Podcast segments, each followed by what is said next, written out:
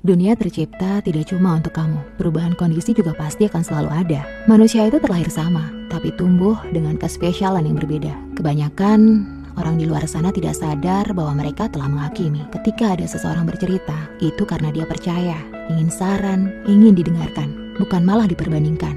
Sesederhana tak menghardik, seolah-olah masalahnya itu bukan masalah yang berarti. Mungkin itu lebih dari cukup. Ceritamu dan ceritanya mungkin sekilas serupa, tapi belum tentu sepenuhnya sama. Sudut pandangmu dan sudut pandangnya tentang kehidupan juga sudah pasti berbeda.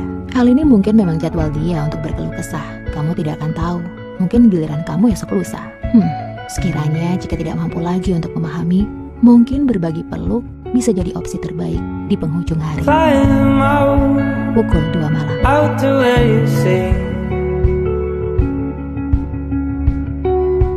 Curve